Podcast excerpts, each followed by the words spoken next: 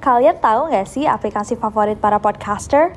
Aplikasi yang jadi kunci sukses para podcaster untuk ngerekam podcast-podcast keren mereka cuma dari smartphone, namanya Anchor.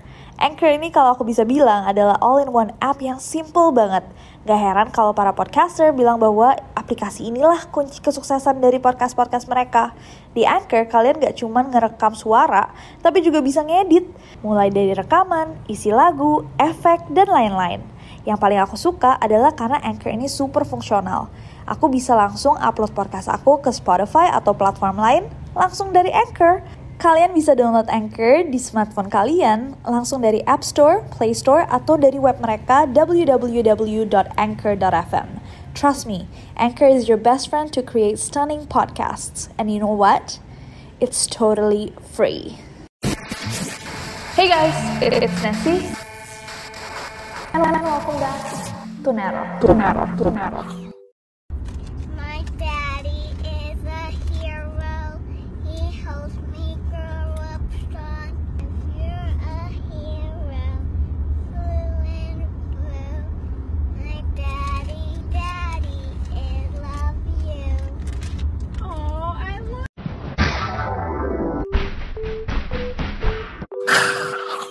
Ketika Chris sampai, mereka pun membuka pintunya, masuk dari garasi, dan mencoba mengecek keadaan Shannon dan kedua anaknya, Celeste dan Bella. Ketika polisi menggeledah isi rumahnya, tidak ditemukan Shannon, Bella, ataupun Celeste. Chris memohon anak-anaknya untuk cepat pulang, tapi ia tidak terlihat sedih, panik. Ternyata Bella juga sudah meninggal, dan jadi dia dendam, dia marah, akhirnya dia pun bunuh Shannon. This is the heartless one, the evil monster. Who dare you take the lives of my daughter Shannon, Bella, Celeste, and Nico? I trusted you to take care of them, not kill them. And they also trusted you. The heartless monster, and then you take them out like trash. Let me tell you something. I will think of them every day of my life, and I love them every day of my life. I hope you enjoy your new life. It's nothing like the one you had out here. May the courts have no mercy on you. It's hard every day. It hurts in so many ways. I have re- heard people say that you're not a monster. No, you are not. You're an evil monster. Thank you. Love you, Shannon, Bella, and Nico. Love you, Pop Up and Dad. And one other thing. And Shannon says she is super excited for justice today. Thank you, Your Honor. Thank you, sir. Hey guys, we're here from the boat today. help them showered and get them ready for bed. Anything they need. Nah, kasus ini tuh complicatednya setengah mati. Karena walaupun Chris sudah mengaku bahwa dia yang membunuh Shannon, opini orang tuh sangat-sangat terpecah. Kenapa? Karena Shannon itu adalah bagian dari Thrive. Jadi dia adalah bagian dari satu bisnis MLM bernama Thrive yang menjual produk-produk kesehatan gitu. Kayak patch untuk energi, minuman, snack, pokoknya semua yang berhubungan sama kesehatan. Nah, ini adalah bisnis MLM yang fokus di Facebook.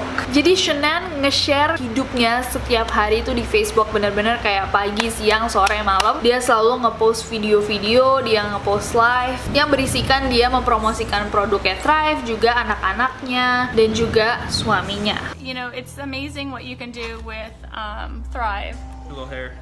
Ready? Set? So sorry. Jadi kehidupan mereka nih sangat-sangat diekspos ke sosial media. Nah, dari yang diekspos sama Shannon ini, Chris selalu terlihat sebagai suami yang sangat-sangat baik. Ayah yang incredible, selalu super sweet sama anak-anaknya, selalu sabar, dan selalu melakukan semua hal yang bikin anak-anaknya dan istrinya happy.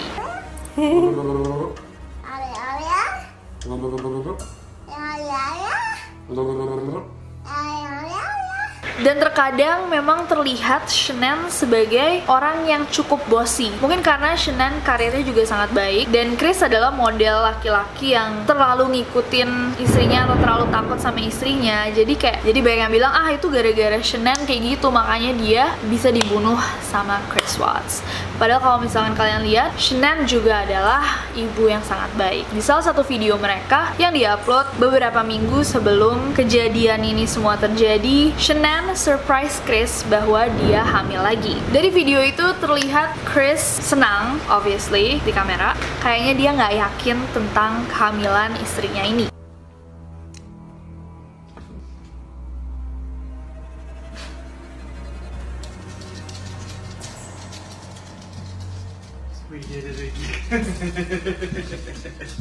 I like that shirt.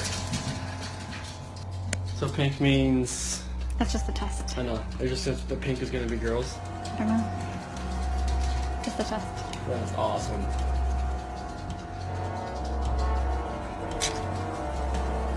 Guess, guess, guess when you want to, it happens.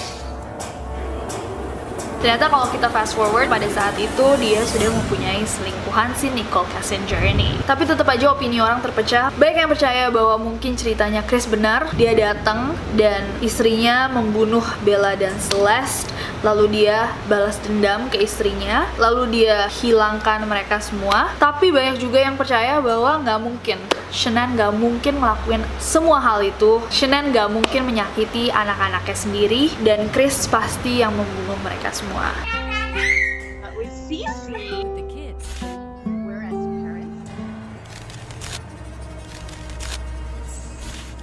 Nah, ada teori-teori yang mengelilingi kasus ini. Yang pertama dan terkuat adalah bahwa Chris membunuh mereka semua. Chris tidak happy dengan berita bahwa istrinya hamil lagi. Chris pada saat itu sedang di dalam hubungan dengan Nicole Kessinger, tapi Chris bilang bahwa Nicole Kessinger sama sekali tidak terlibat dalam segala drama ini. Hal-hal yang janggal dari Chris adalah jika memang benar istrinya yang membunuh anak-anaknya, hal yang pertama biasanya orang tua lakukan adalah menelpon 911, make sure anak-anaknya beneran meninggal. Mereka bakal cari help, mereka bakal cari cara untuk membangunkan anak-anak mereka. Tapi tidak, Chris malah membawa semua mayatnya dan membuang mereka. Chris terlihat gugup ketika polisi menggeledah rumah mereka. Chris tidak terlihat sedih ataupun panik ketika diinterview oleh pihak-pihak berita. Chris selalu mendistance dirinya, menjauhkan dirinya dari anak-anaknya sendiri dengan mengatakan those girls, bukan my girls atau nama mereka. Chris menghubungi realtor atau sales rumah untuk menjual rumahnya pada hari yang sama Shannon hilang. Chris juga menghubungi sekolah Bella dan menyatakan bahwa Bella tidak akan lagi sekolah di sana mulai hari itu. Beberapa waktu sebelum Shannon menghilang, Shannon bercerita pada temannya bahwa Chris ini berbeda. Dia sudah tidak warm, dia sudah tidak hangat seperti dulu, dan Shannon pun mencoba memperbaiki pernikahannya dengan beli buku tentang marriage counseling. Dia pun menulis surat untuk Chris Watts, untuk suaminya tercinta. Namun Chris sangat-sangat cold, sangat-sangat tidak tertarik pada Shannon sampai Shannonnya stres. Pada trip bisnis sebelum Shannon menghilang pun, Chris sempat mengirimkan foto ini. Tanpa konteks, dia ngirimin ini ke Shannon, foto boneka yang ditutup pakai kain putih, which is super super creepy. Dan Shannon ngepost ini di Facebook. Lalu Shannon minta fotonya anak-anaknya. Dan ini adalah foto terakhir yang menunjukkan Bella dan Sisi hidup. Dan ini juga didukung dengan beberapa evidences, beberapa bukti. Pertama, the CCTV, CCTV yang di awal. Sang tetangga sempat bilang bahwa Chris biasanya tidak memundurkan truknya untuk mengambil barang-barangnya. Yang kedua, waktu kematian Bella, Celeste, dan Shannon tidak konsisten dengan alibinya Chris ketika mereka diautopsi. Tiga, Chris gagal ketika melakukan tes kejujurannya. Empat, sehari setelah menghilangnya anak-anak dan istrinya, ia tidak terlihat panik, tidak terlihat sedih, bahkan dia tidak nangis sama sekali sampai sang detektif bilang, kamu kok nggak nangis-nangis, dia tiba-tiba pura-pura nangis. Dan malah dia sempat ngikutin taruhan dari sebuah situs. Teori kedua adalah keterlibatan Nicole Kessinger. Oke dari tadi kita nggak ngomongin si Mbak Nicole ini. Nicole Kessinger sempat diinterview setelah Chris diinterview dan dia bilang di interviewnya bahwa dia tidak tahu bahkan bahwa Chris sudah menikah. Tiba-tiba cerita itu berubah. Dia bilang dia taunya Chris akan menceraikan Shannon dalam waktu dekat. Ia bilang bahwa dia tidak tahu bahkan sama sekali tentang rencananya Chris dan bahwa dirinya sama sekali tidak terlibat. Aku juga nonton interviewnya si Miss Nicole Kessinger ini. anything to him about like Never. anything about his kids being a problem, anything about his wife being a problem? This shocked me just as much as I think it shocked the rest of the world. Eh ya guys, aku mau sedikit sharing sih seputar aplikasi keren yang aku gunain buat bikin podcast ini. Aplikasi ini tuh bisa di-download di App Store atau di Play Store, and it's totally free. Gak cuma buat ngerekam aja, Anchor juga bisa buat ngedit langsung rekaman kalian. Kita bisa langsung nambahin back sound, effects, tambah lagu, bahkan Anchor juga bisa mendistribusikan podcast kita ke berbagai platform lainnya.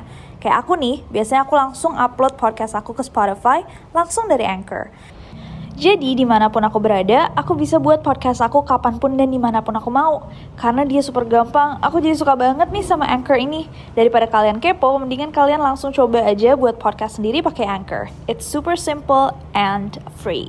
Dan ada bagian di mana dia menangisi kayak oh anak-anak itu masih kecil banget kasihan apa segala macam gitu tapi buat aku personally reaksinya nggak terlihat genuine nggak terlihat jujur tapi of course itu opini aku aja bukan fakta mungkin memang dia orangnya seperti itu Ugh. He's so disgusting. I'm so ashamed of him. Why? Why? Why? Why? How? I don't even understand how you could like bring yourself to do that to somebody who's like that big. Kalau menurut kalian gimana? Komen di bawah. So, kenapa banyak orang yang percaya bahwa Nicole Kessinger mungkin terlibat? Ada beberapa hal aneh yang ditemukan oleh polisi. Ini adalah hal-hal yang em, aku dan Lutfi baca dari reportase polisi tentang kasus ini yang sepanjang 2000 halaman. Nicole sempat menggoogle nama Shannon.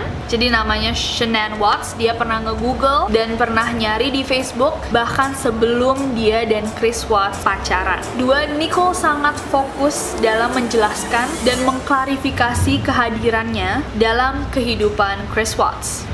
Tiga, seperti kayak dia bilang bahwa dia nggak tahu Chris sudah menikah, dia nggak tahu kalau mereka bakal punya baby lagi, dia nggak tahu bahwa Shannon lagi hamil anak ketiga, padahal Shannon juga nge-post di Facebook dan semua orang tahu. Dan teman-teman kerjanya Chris juga sudah menyelamati dia akan kehamilan istrinya ini. Dan setelah dia tahu kalau misalkan Chris ini masih di dalam pernikahan, dia tetap saja ingin bersama Chris. Nicole juga sempat menggoogle hal-hal yang sangat aneh yang ditulis di reportase polisi ini seperti nyari model-model baju pernikahan lalu ada beberapa yang kayak hmm, I don't wanna say it. Dan juga sesaat setelah Shannon meninggal dia menggoogle berapa banyak uang yang bisa ia dapatkan jika dia menulis buku tentang kematian Shannon jadi ada kasus serupa di mana seorang suami ngebunuh keluarganya dan si suami itu masuk penjara selingkuhannya bikin buku dan dia nyari si Nicole Kessinger ini nge-google si selingkuhan itu dapat uang berapa dari deal bukunya dan teori yang ketiga berhubungan dengan Thrive, bisnis MLM yang diikuti sama Chanel. Salah satu produk yang Thrive miliki adalah satu patch yang kalian bisa lihat di semua videonya Chanel sama Chris. Itu jadi kayak tempelan gitu yang bisa ditaruh di sini, di sini, di sini yang menambahkan tenaga orang yang memakainya. Dia membakar lemak dan mempertahankan diet. Dan ini adalah bahan-bahannya. Cuma yang banyak orang pikir kayak gimana caranya satu patch ini bisa ngasihin tenaga orang yang biasanya capek uring-uringan tiba-tiba bisa bangun jam 4 pagi buat workout tanpa merasakan capek sama sekali. Dan ini adalah patch sticker yang dipasang sama Chris Watts sama Shannon setiap hari. Dan orang-orang bertanya apa sih isinya ini? Apakah ini juga bisa menaikkan keagresifan seseorang. Chris Watts juga cerita bahwa dia sering merasa anxious, kayak dia ngerasa nggak tenang sejak dia pakai Thrive ini. But either or, kalaupun ada sesuatu di patch itu, tetap aja Chris Watts kalau mau cerai tinggal jalan keluar pintu.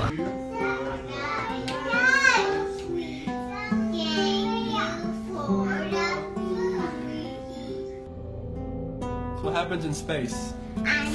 We could organize the basement, so.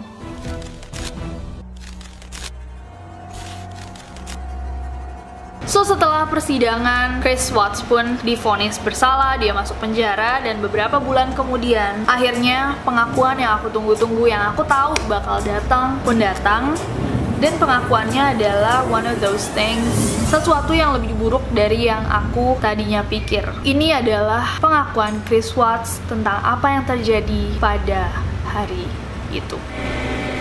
Girls are still in the truck. Okay. Did they ask you what you were doing, taking mommy out, or? Yeah, I I don't remember what I told them, but they did ask that. What they what they say specifically? It was more of like, you know, what are you doing to mommy? Okay. All right. And then the girls, right? Okay. You mentioned Bella was first. Cece was first. Okay. Where exactly was she when it happened? In the backseat. Okay. Was she just right next to Bella? Mm-hmm. Then is it Bella next, or is did you pull CC out? I pulled CC out. And then went down to Bella. Tell me what happened there. She said, what happened to CC?" Or she asked it was, if it's the same thing, the exact same thing that happened to me as CC." Did she ask you that? Okay. So Bella's pretty smart. Said that, that, that soft voice she always had. She said, no, daddy. And that's the last thing she said. So Bella dan Celeste harus ngeliat ibunya diseret turun tangga, dimasukin ke mobil, ditaruh di tempat kaki, dan anak kedua ini percaya sama ayahnya untuk dibawa ke situs perminyakan itu, dan Bella harus ngeliat adiknya, sahabatnya, dibunuh oleh orang yang paling ia percaya, dan mencoba mempertahankan hidupnya dari ayahnya sendiri. Save me! So, dalam satu sisi aku lega, akhirnya tahu apa yang terjadi, tapi di sisi lain I felt so hollow, kayak kosong, kayak how could gimana bisa seorang ayah ngelakuin itu sama putri-putrinya. Aku cuma bisa doain semoga Shannon, Bella, Sisi, dan Nico mendapatkan ketenangan di mana pun mereka berada. So, kasus ini sebenarnya jauh lebih panjang dari ini dan lebih ribet. Banyak hal that I didn't touch on karena durasi gila ini aja mungkin oh my god. Kayak problem finansialnya keluarga ini pressure dari level balance antara suami istri ini juga nggak sync. Banyak banget hal yang kalian masih bisa ulik untuk tahu tentang kasus ini. Dan sampai sekarang orang-orang masih minta polisi untuk menginvestigasi keterlibatan Miss Nicole Kessinger gimana menurut kalian? Apakah mungkin dia dalang di balik pembunuhan ini? Mungkinkah dia menghasut Chris untuk menghilangkan keluarganya? Gimana menurut kalian? Komen di bawah.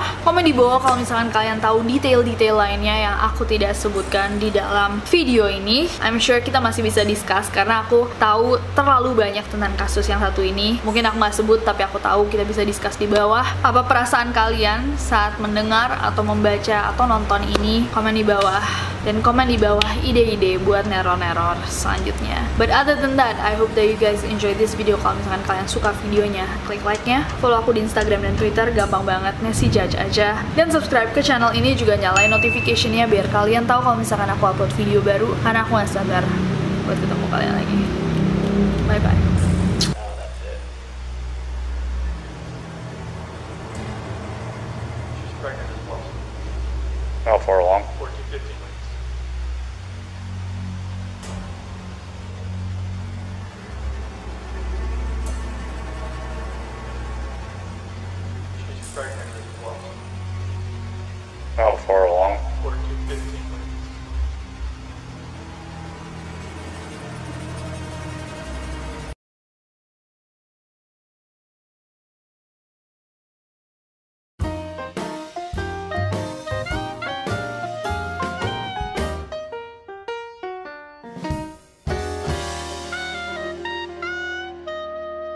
kepentingan perusahaan berbincang tentang perceraian, Chris dipanggil lagi untuk melakukan, melakukan, melakukan, dan akan memiliki anak ketiga. I can't imagine what you're going through right now. I've just been throwing chicken nuggets at me, honestly, last night.